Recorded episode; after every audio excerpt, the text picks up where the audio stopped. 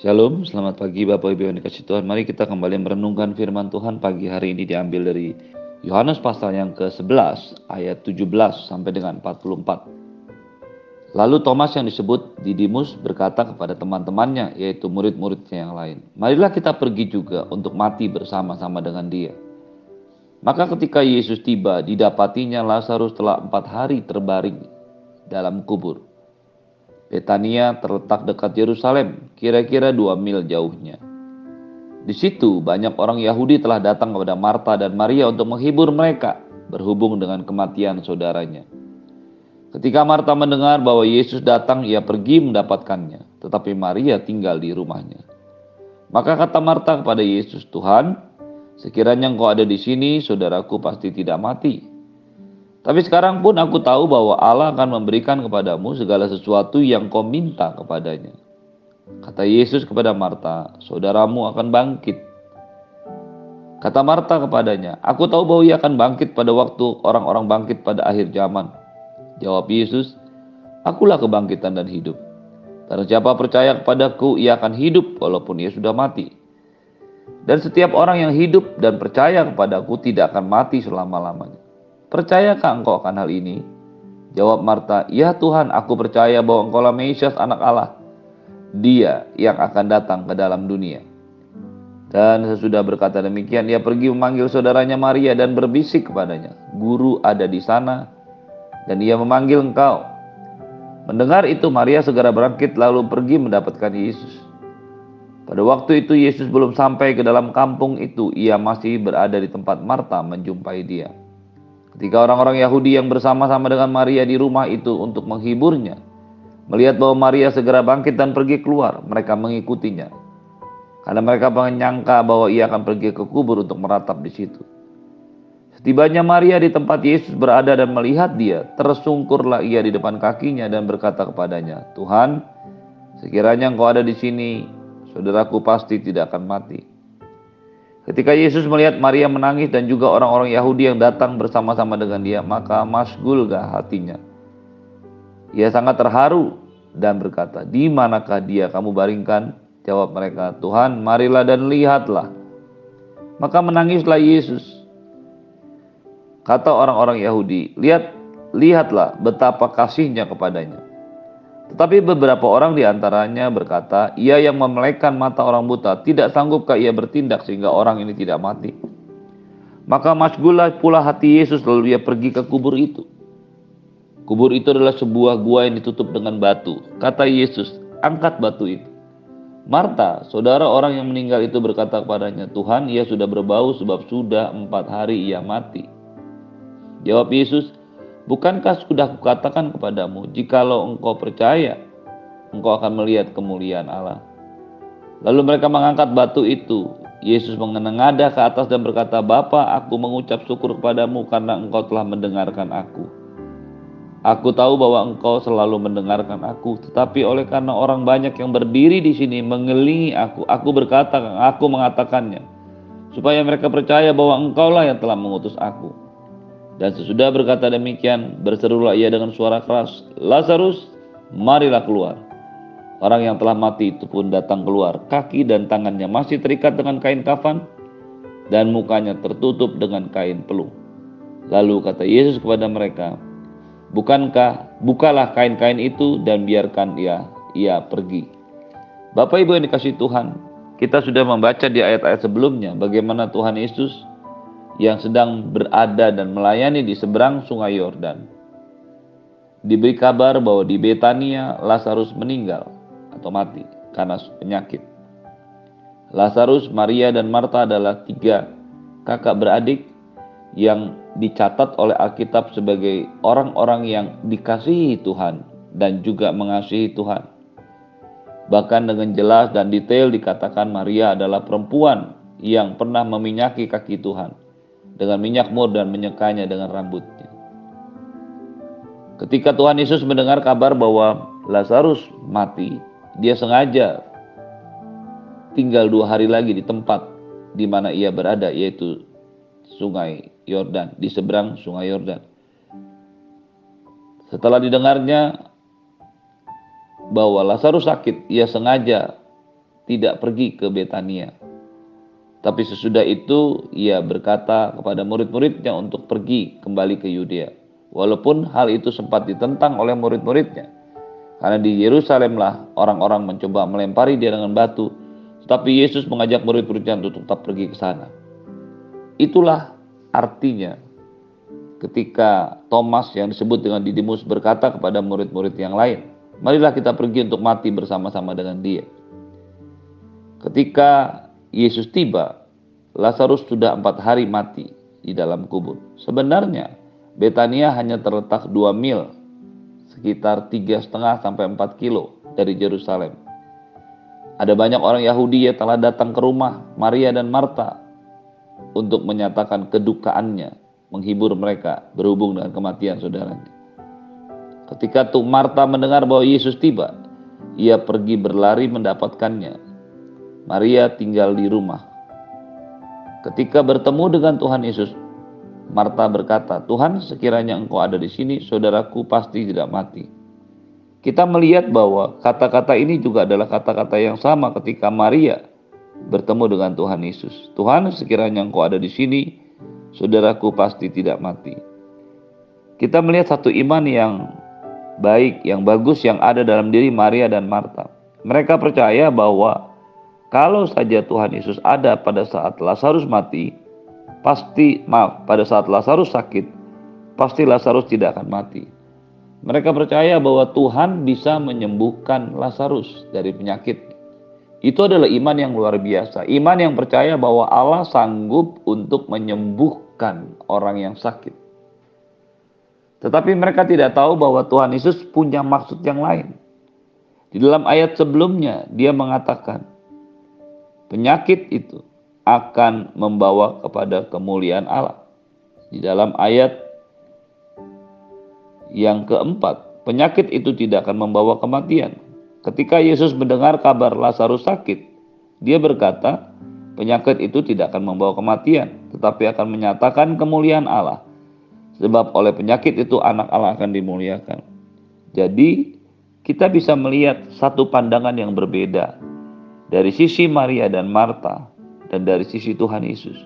Maria dan Marta adalah orang-orang yang beriman kepada Tuhan. Mereka adalah orang-orang yang percaya bahwa Tuhan, kalau Tuhan Yesus ada bersama-sama dengan mereka, maka Lazarus tidak akan pernah mati. Dia akan sembuh. Tetapi mereka belum sampai ke dalam satu pemikiran bahwa sekalipun Lazarus sudah mati, ia akan dibangkitkan. Dan rupanya hal inilah yang diinginkan Tuhan terjadi pada iman Marta dan Maria. Tuhan ingin iman Marta dan Maria bertumbuh.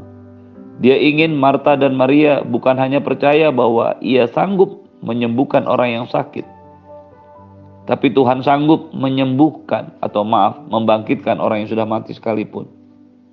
Itu sebabnya Tuhan Yesus sengaja tinggal dua hari lagi di seberang sungai Yordan ketika ia mendengar kabar bahwa Lazarus sakit.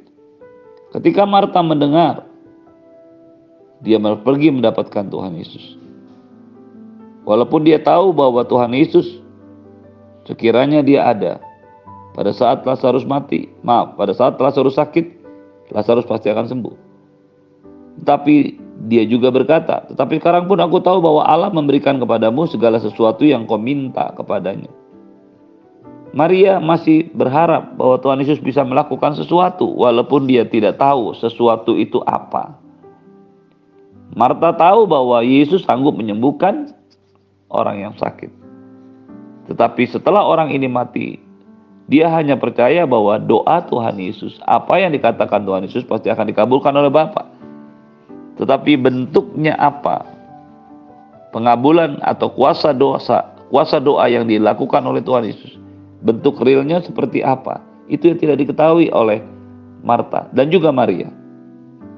Ketika Yesus melihat hal itu, dia mengajar Marta satu kebenaran firman Tuhan. Yang pertama, dia berkata, "Saudaramu akan bangkit." Walaupun Marta menyangkalnya dengan berkata, "Ya, dia akan bangkit pada waktu akhir zaman." Yesus mengajar dia, "Akulah kebangkitan dan hidup. Barang siapa percaya kepadaku, ia akan hidup walaupun ia sudah mati. Dan setiap orang yang hidup dan yang percaya kepadaku tidak akan mati selama-lamanya. Percayakah engkau akan hal ini? Jawab Marta, Ya Tuhan aku percaya bahwa engkau lah Mesias anak Allah, dia yang akan datang kembali ke dalam dunia. Dari sini kita melihat bahwa Tuhan Yesus ingin mengajar kepada Marta dan juga Maria. Satu level iman yang lebih tinggi. Sebelumnya kedua saudari, kedua perempuan ini percaya bahwa Yesus sanggup menyembuhkan orang yang sakit. Tapi hari itu Tuhan Yesus ingin mengajar mereka bahwa Yesus sanggup membangkitkan orang yang sudah mati sekalipun. Hal ini bukanlah terjadi pada saat akhir zaman seperti yang dipercayai oleh Marta dan juga Maria. Percaya bahwa Tuhan akan membangkitkan setiap orang yang mati di akhir zaman adalah sebuah hal yang sangat luar biasa. Tradisi rabinik, tradisi mesianik, tradisi Yahudi, iman Yahudi selalu mengajarkan ada kehidupan setelah kematian. Dan mereka percaya Mesias itu yang akan membawa mereka mengalami hidup yang kekal. Mereka percaya bahwa Abraham walaupun mati dia akan dia tetap hidup di dalam alam kekekalan. Itu sebabnya mereka percaya bahwa setiap kali mereka beriman kepada Tuhan, mereka akan mengalami kehidupan setelah kematian. Ini adalah sesuatu pengajaran atau pengetahuan yang umum yang diketahui oleh setiap orang Yahudi. Tapi hari itu Tuhan Yesus ingin mengajar pada Maria dan juga Marta bahwa Yesus berkuasa bukan hanya untuk orang sakit, tapi dia bisa membangkitkan orang yang mati sekalipun. Sudah berkata demikian, Marta memanggil Maria dan akhirnya Maria menemui Tuhan Yesus. Perhatikan baik-baik hubungan, kedalaman hubungan Maria terhadap Tuhan Yesus dibandingkan dengan Marta. Kita sudah belajar bagaimana sikap Maria dan Marta pada saat Tuhan Yesus hadir di rumah mereka. Marta menemui Tuhan Yesus dan bertanya dan berkata-kata, menyatakan imannya. Tetapi ketika Maria datang menemukan menemui Tuhan Yesus, sikapnya menjadi sangat berbeda dengan Marta. Yang pertama dilakukannya dialah tersungkur. Ketika Maria tiba di tempat Yesus berada, dia tersungkur di depan kakinya dan berkata, "Tuhan, sekiranya Engkau ada di sini, saudaraku pasti tidak akan mati. Kata-kata yang sama yang diucapkan Maria adalah kata-kata yang sama diucapkan Marta. Yang membedakannya adalah sikap hati Maria. Maria adalah orang yang selalu melihat Yesus dan memilih untuk tersungkur di hadapannya sambil berkata, "Ini bukan sebuah kebiasaan, ini bukan sebuah tindakan yang satu dua kali, tetapi ini merupakan gaya hidup Maria." Pagi hari ini camkanlah baik-baik. Gaya hidup menyembah bukanlah sebuah ritual agamawi, kegiatan di gereja atau di mana pun kita berada. Tapi menyembah Tuhan tersungkur di depan kakinya harusnya menjadi gaya hidup setiap orang percaya yang ingin memiliki kedalaman dan keintiman dengan Tuhan. Kita bisa datang kepada Tuhan dan berkata-kata kepadanya. Tapi kita juga bisa datang kepada Tuhan sambil menyembah dan kita tahu sikap seperti inilah yang akhirnya melihat maaf, membuat Yesus di dalam ayat 35 menangis. Bapak Ibu yang dikasih Tuhan, kita bisa datang kepada Tuhan dan berdoa dan Tuhan bisa jawab. Kita bisa menyatakan semua kebutuhan kita kepada Tuhan dan Tuhan bisa jawab. Tetapi ada satu cara lain yang menyatakan keintiman dan kedekatan kita kasih kita kepada Tuhan, yaitu tersungkur di depan kakinya dan menyembah.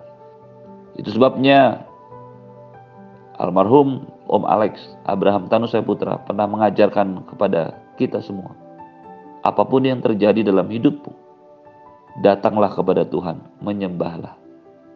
Ketika satu kali saya bertanya kepadanya tentang situasi masalah yang sedang terjadi dalam hidupnya, dalam pelayanannya.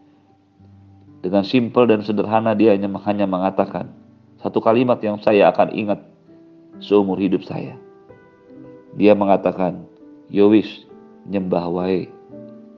Ya sudah, nyembah Tuhan saja. Kalimat yang sangat sederhana, tetapi lahir dari sebuah kedalaman hati. Inilah yang dilakukan oleh Maria. Dia datang pada Yesus dan dia menyembah lalu berkata-kata. Dia tidak berkata-kata, baru menyembah, tetapi dia menyembah lalu berkata-kata, pagi hari ini, biarlah gaya hidup ilahi seperti ini, yang harusnya menjadi gaya hidup setiap orang percaya. Senang bertersungkur di depan kaki Tuhan, senang menyembah, mengakui keberadaan Tuhan. Ketika akhirnya Tuhan Yesus melihat hal itu, dia menangis, hatinya tersentuh. Sesuatu yang tidak terjadi dengan Marta. Mujizat itu akan terjadi karena memang itu rencana Tuhan. Tetapi yang paling penting, apakah Anda dan saya berhasil membuktikan kita adalah orang-orang yang suka menyembah, tersungkur di depan kaki Yesus. Pagi hari ini, jadikan ini bukan hanya sebagai sebuah ritual agamawi, tapi sebuah gaya hidup. Terus menyembah Tuhan, terus dekat dengan Tuhan, terus intim dengan Tuhan. Terimalah berkat yang berlimpah-limpah dari Allah Bapa, kasih dari Tuhan Yesus, penyertaan yang sempurna dari Roh Kudus, menyertai hidupmu hari ini dan sampai selama-lamanya. Diberkati dalam setiap hal, dilindungi dari semua sakit penyakit dan jahat. Tidak akan menimpamu. Di dalam nama Tuhan Yesus semua yang percaya katakan. Amin. Shalom. Selamat pagi.